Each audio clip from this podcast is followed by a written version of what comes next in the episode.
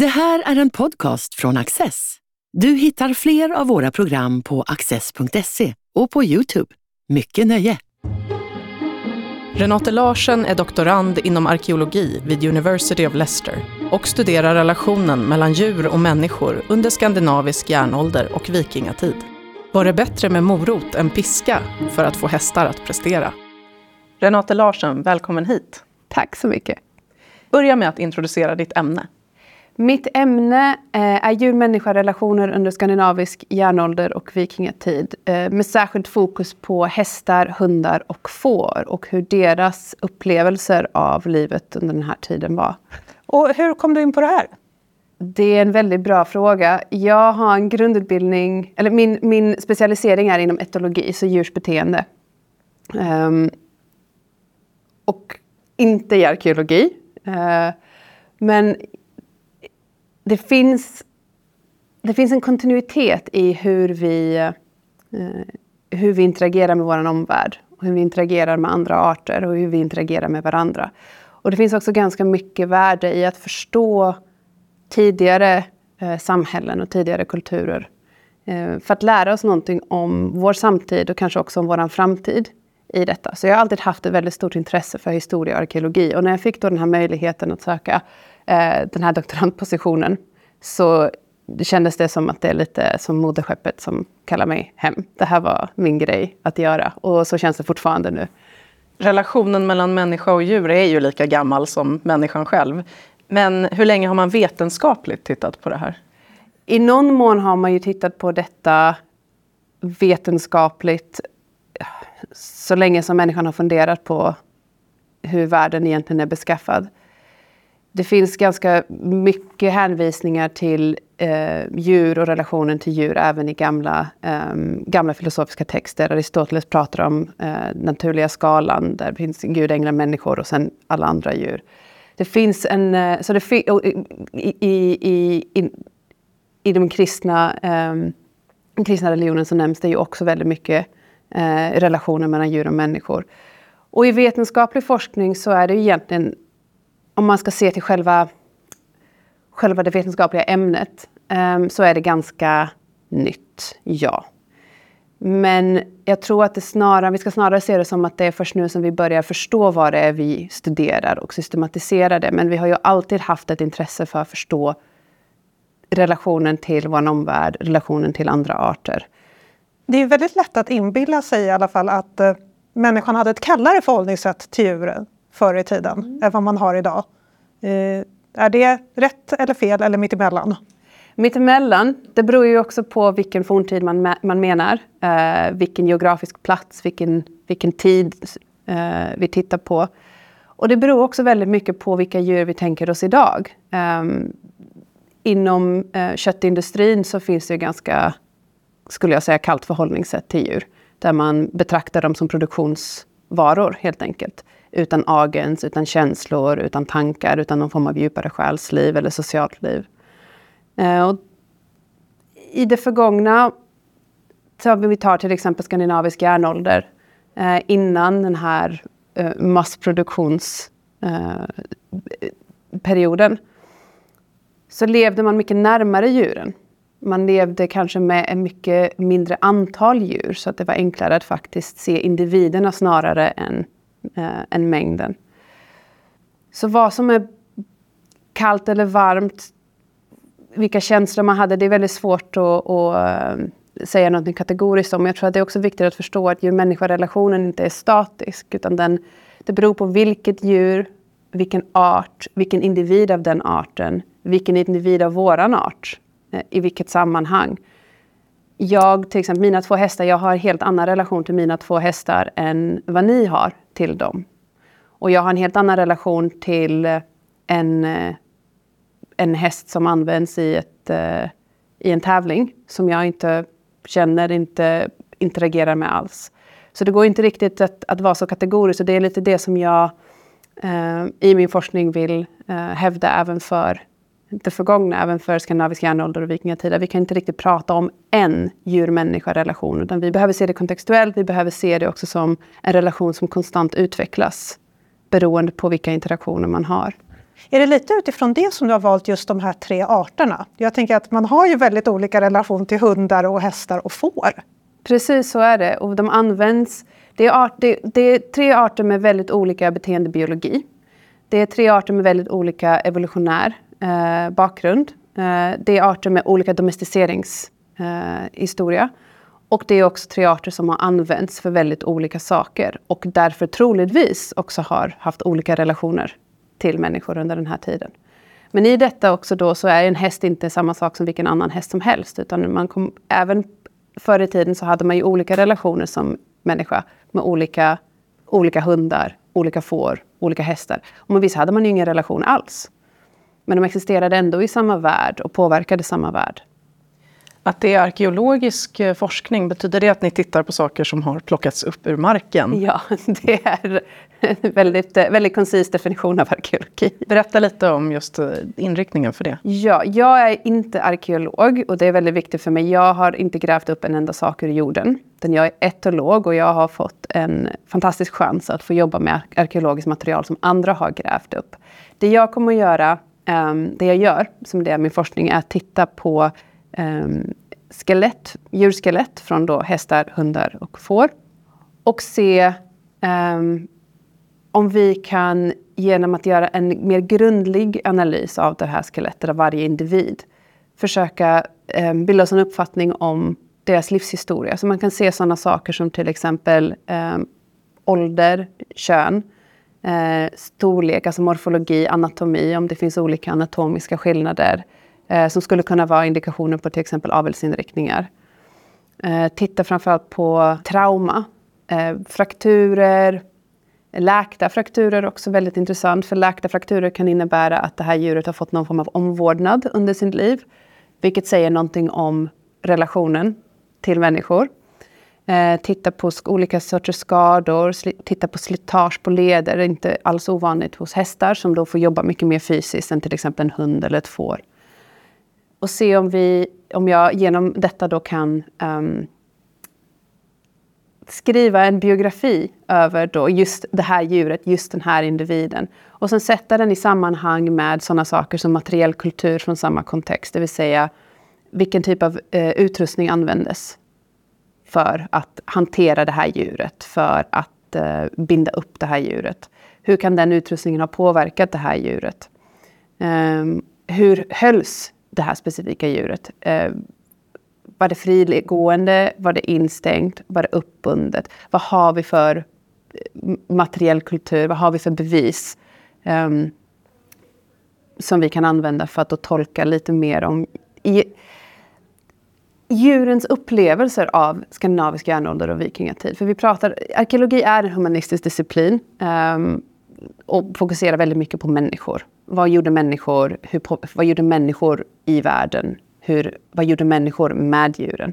Och djur reduceras ofta um, till någonting som antingen var mat, föda eller um, någon form av, hade någon form av rituell symbolik. Men djuren hade ju sina egna liv. De upplevde ju också saker och ting. De hade också egna relationer inom, sina, inom familjen, inom flocken. De kände saker som rädsla, hunger, glädje. Och om vi då kan försöka expandera eh, vår kunskap till att även innefatta deras historia så tror jag att vi kan få en lite mer komplett bild av vad skandinavisk järnålder och skandinavisk vikingatid faktiskt var.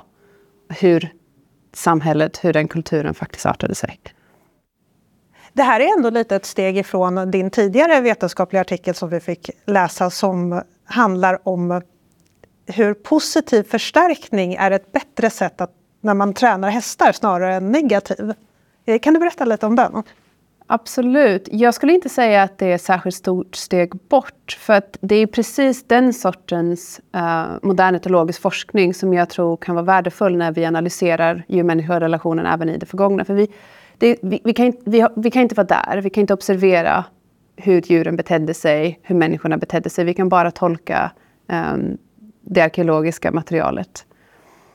För att förstå eh, djur-människa-relationer i det förgångna så behöver vi förstå djur-människa-relationer idag och vad det är som faktiskt eh, bidrar till de här relationerna. Vad det är som skapar relationer, vad en relation är och vad det är som upprätthåller dem.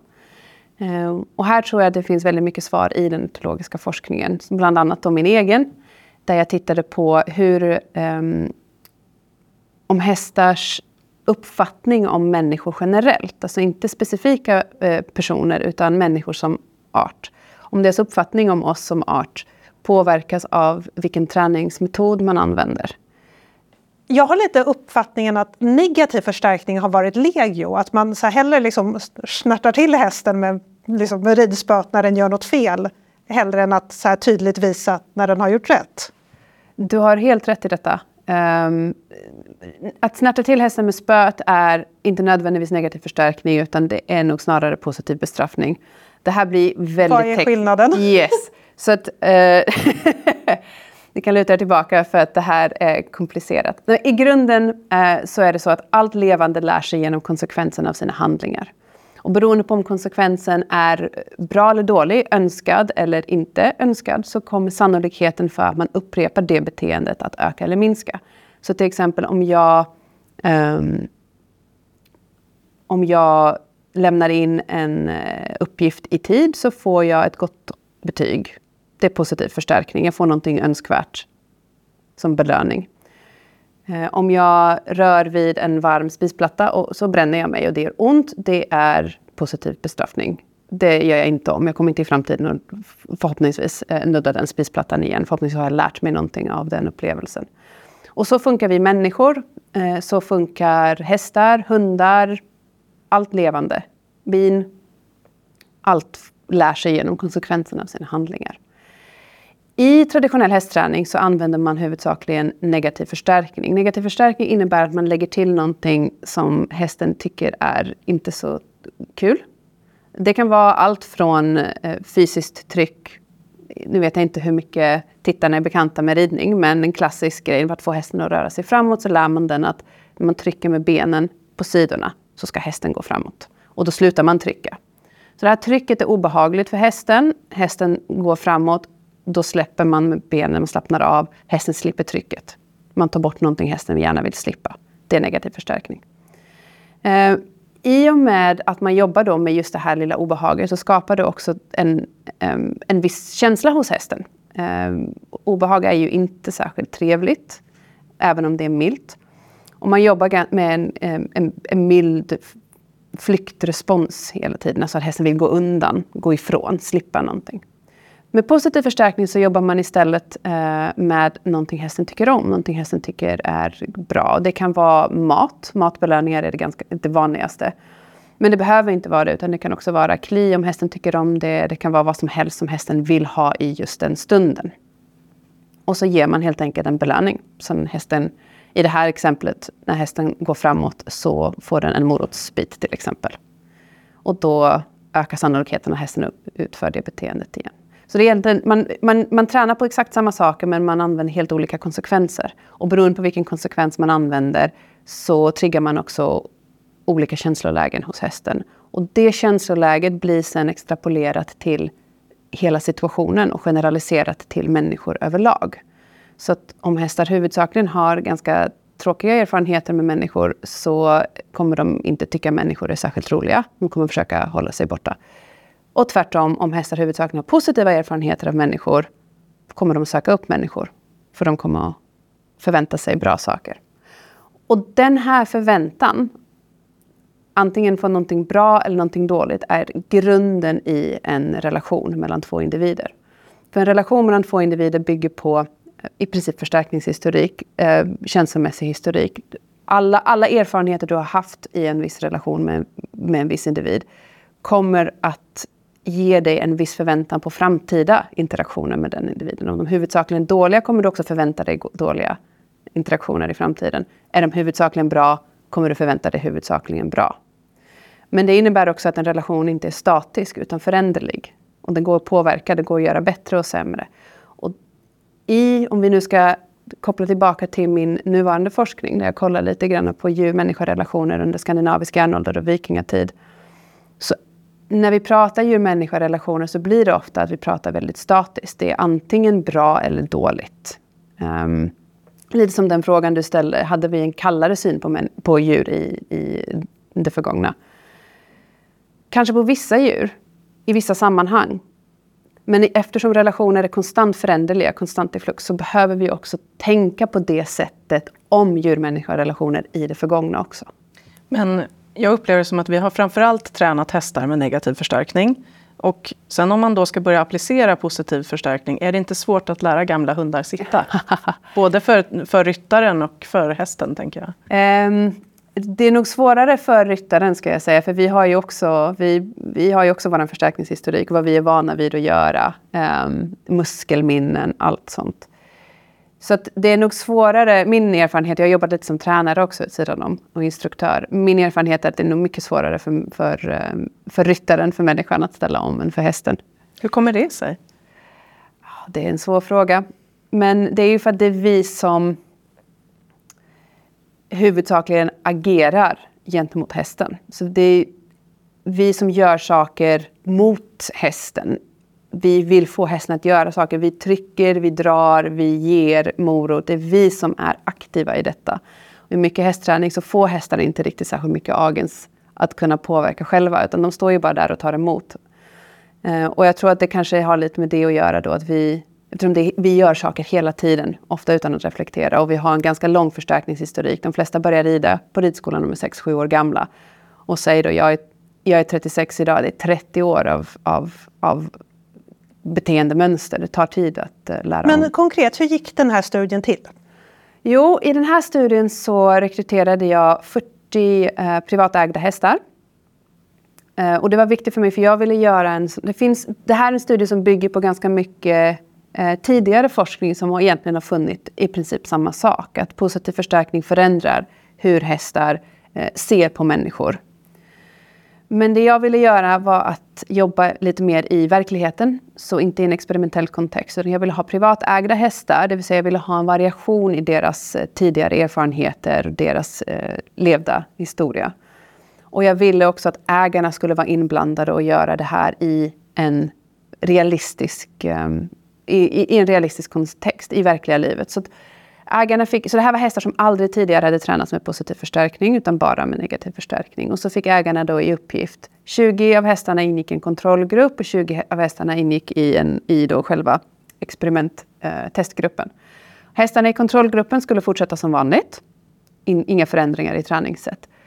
Och hästarna i eh, testgruppen skulle, ägarna fick i uppgift att träna dem med positiv förstärkning ungefär 20 minuter i veckan. Så korta pass, fem minuter åt gången, väldigt enkelt följa en, en specifik träningsplan. Och det jag var nyfiken på att se om det blev någon förändring om man lägger till. Precis det här som du frågade. Behöver man börja från början när de är små? Eller kan man bara ändra mitt i, mitt i livet, lägga till det här? Och vad får det för resultat? Så testade jag då hästarna eh, i ett antal beteendetest innan studien började. Och sen efter tio veckor av den här då, träningen med positiv förstärkning i slutet av studien. Och så jämförde jag då resultatet. Och just det, det jag fann var att hästarna, de hästar som hade blivit tränade med positiv förstärkning i tillägg till sin vanliga träning. Så det var i tillägg till den vanliga träningen, inte istället för. De var mer nyfikna, mer kontaktsökande eh, gentemot en främmande person då.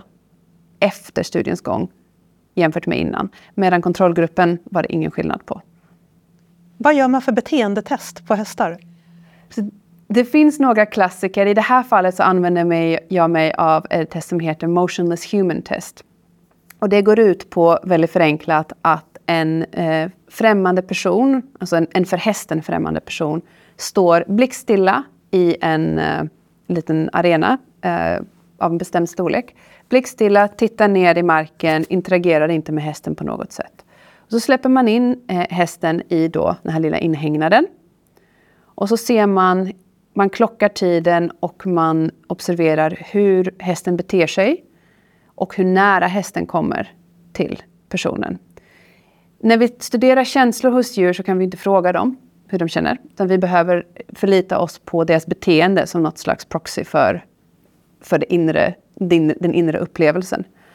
Och en fundamental, en fundamental, ehm, eh, ett fundamentalt koncept i beteendestudier när vi kollar på känslor är just att om en, någonting väcker en positiv känsla så kommer djuret att söka sig dit. Och om någonting väcker en negativ känsla kommer djuret att söka sig bort därifrån.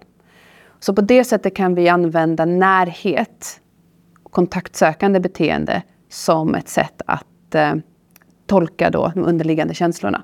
Så just det här testet så har vi då, ju, närmare, ju mer tid eh, hästen tillbringar nära den här främmande personen, ju mer kontaktsökande, fysisk kontakt, nudda, röra, desto mer sannolikt är det då att den här hästen faktiskt upplever situationen eller individen, som, eller människor i allmänhet, som någonting positivt. Och vice versa då, en häst som står och trycker längst bort i ett hörn och inte ens vill titta åt människan, upplever troligtvis en annan känsla. Hur mycket spelade hästarnas psyke in i urvalet av hästar? Vi um, gjorde inga personlighetstester. Uh, det, finns, det finns väldigt mycket personlighet i djurvärlden. Uh, minst lika mycket variation som hos människor skulle jag säga. Så det är absolut så, skulle jag gissa, att temperament, personlighet, tidigare erfarenheter kommer att spela in Eh, i detta. Och det var därför vi hade då den här kontrollgruppen just för att kunna se och en relativt, eh, relativt stor andel hästar i studien. Så i, i djurbeteendestudier 40 är ett ganska stor, eh, stort antal. Det är helt enkelt väldigt svårt logistiskt att få 40 hästar på samma plats eller på olika platser att kunna koordinera detta. Så att, jämfört med humanstudier så har djurstudier nästan alltid färre eh, färre antal individer i. Eh, men 40 var relativt... Vi, vi, ville satsa på relativt stor mängd just för att kunna få då mer robusta resultat och ha en tydlig liksom, kontrollgrupp för att kunna jämföra mellan. Vi testade inte om eh, personlighet och temperament hade någon effekt på detta, men jag skulle gissa att det troligtvis har det, ja. Just eftersom ett temperamentsdrag som man har sett hos hästar är um, hur sociala de är gentemot andra individer, både sina egna men också människor. Så det kan säkert påverka. Vissa kanske är mer tillbakadragna, andra är mer sociala. Jag sitter och funderar på, hästsport är ju en av världens största sporter. Eller ja, nu säger jag hästsport som mm. att det vore en enhetlig sport, det är det ju naturligtvis inte. Eh, men är forskning på hästar stort? Finns det någon forskning utomlands som du kan dra nytta av? Och skulle resultaten i ett annat land bli annorlunda än i Sverige? Så vi börjar, vi börjar med forskning på hästar. Ja, det sker mycket forskning på hästar, men den är huvudsakligen inriktad på prestation, alltså fysisk prestation och fysisk hälsa. Och det är för att det är det som är relevant för sporten. Oavsett om det är kapplöpning eller trav, eller, alltså galoppsport, trav eller hoppning. Det viktiga är ju att hästarna ska prestera. Så det finns mycket forskning, den är huvudsakligen inriktad på fysisk prestation, fysisk hälsa det sker väldigt mycket spännande saker på beteendesidan också, men får absolut inte lika mycket eh, finansiering som det mer veterinärmedicinska. Eh, tyvärr, skulle jag säga. Så ja, det finns forskning som jag kan använda i detta. Eh, det finns, jag har tusen idéer på saker som man skulle behöva forska på, som skulle hjälpa mig i min nuvarande forskning också. Så att om det är någon som är hugad kan ni av eh, tittarna får de gärna höra av sig så kan jag skicka en lista på saker vi behöver finansiering för. Sen hade du en fråga till. Skulle samma studie i ett annat land ge samma resultat? Jag tänker att människor tenderar att ha olika relationer till olika djur kulturellt. Det finns, där och då är vi återigen i detta i att en relation, vad är en relation och hur ser den ut? Vi kan inte säga att det finns ingen det finns ingen häst-människa-relation som är svensk, eller norsk, eller polsk, eller syrisk eller kanadensisk. Utan varje djur, varje häst-människa-relation kommer att vara unik. Och varje häst kommer att ha olika relationer till alla olika människor runt omkring sig. Och de här relationerna kommer också förändras under livets gång. Så det finns, vi måste, vi måste när vi pratar ju människa-relationer måste vi börja tänka mer i, den här, uh, i det här processperspektivet, det här föränderliga um, och rörliga. Men det finns olika kulturer, både inom våran art, människa, men också inom andra arter. Och det här är inte särskilt välutforskat hos hästar, men det finns indikationer på det hos andra arter, att det finns avgränsade um, kulturer. Um, till exempel späckhuggare. Vissa grupper jagar fisk. Vissa andra grupper jagar däggdjur. Och de är specialiserade på detta. De befinner sig in, i samma område men de är specialiserade på att jaga specifikt en sorts byte. Och de byter aldrig. Även om det finns Även om du är specialiserad på att jaga däggdjur och det finns fisk kommer du inte att äta fisk för du äter däggdjur. Det är samma art. Så i detta börjar vi nu inse lite grann, det här är som sagt väldigt, väldigt, eh, väldigt nytt och det är någonting som vi behöver brottas med ganska mycket intellektuellt eftersom vår humanistiska tradition säger att det finns en ganska tydlig hierarkisk indelning med människan högst upp och vi är rationella och vi har kultur och djuren kommer någonstans här och är lite mer primitiva. Och vi börjar inse nu att det där stämmer nog inte i någon riktning. Så vi brottas lite grann med de här tankarna, både inom etologin men också uh, inom andra uh, forskningsområden. Och det är inte särskilt väl eh, studerat alls inom hästar.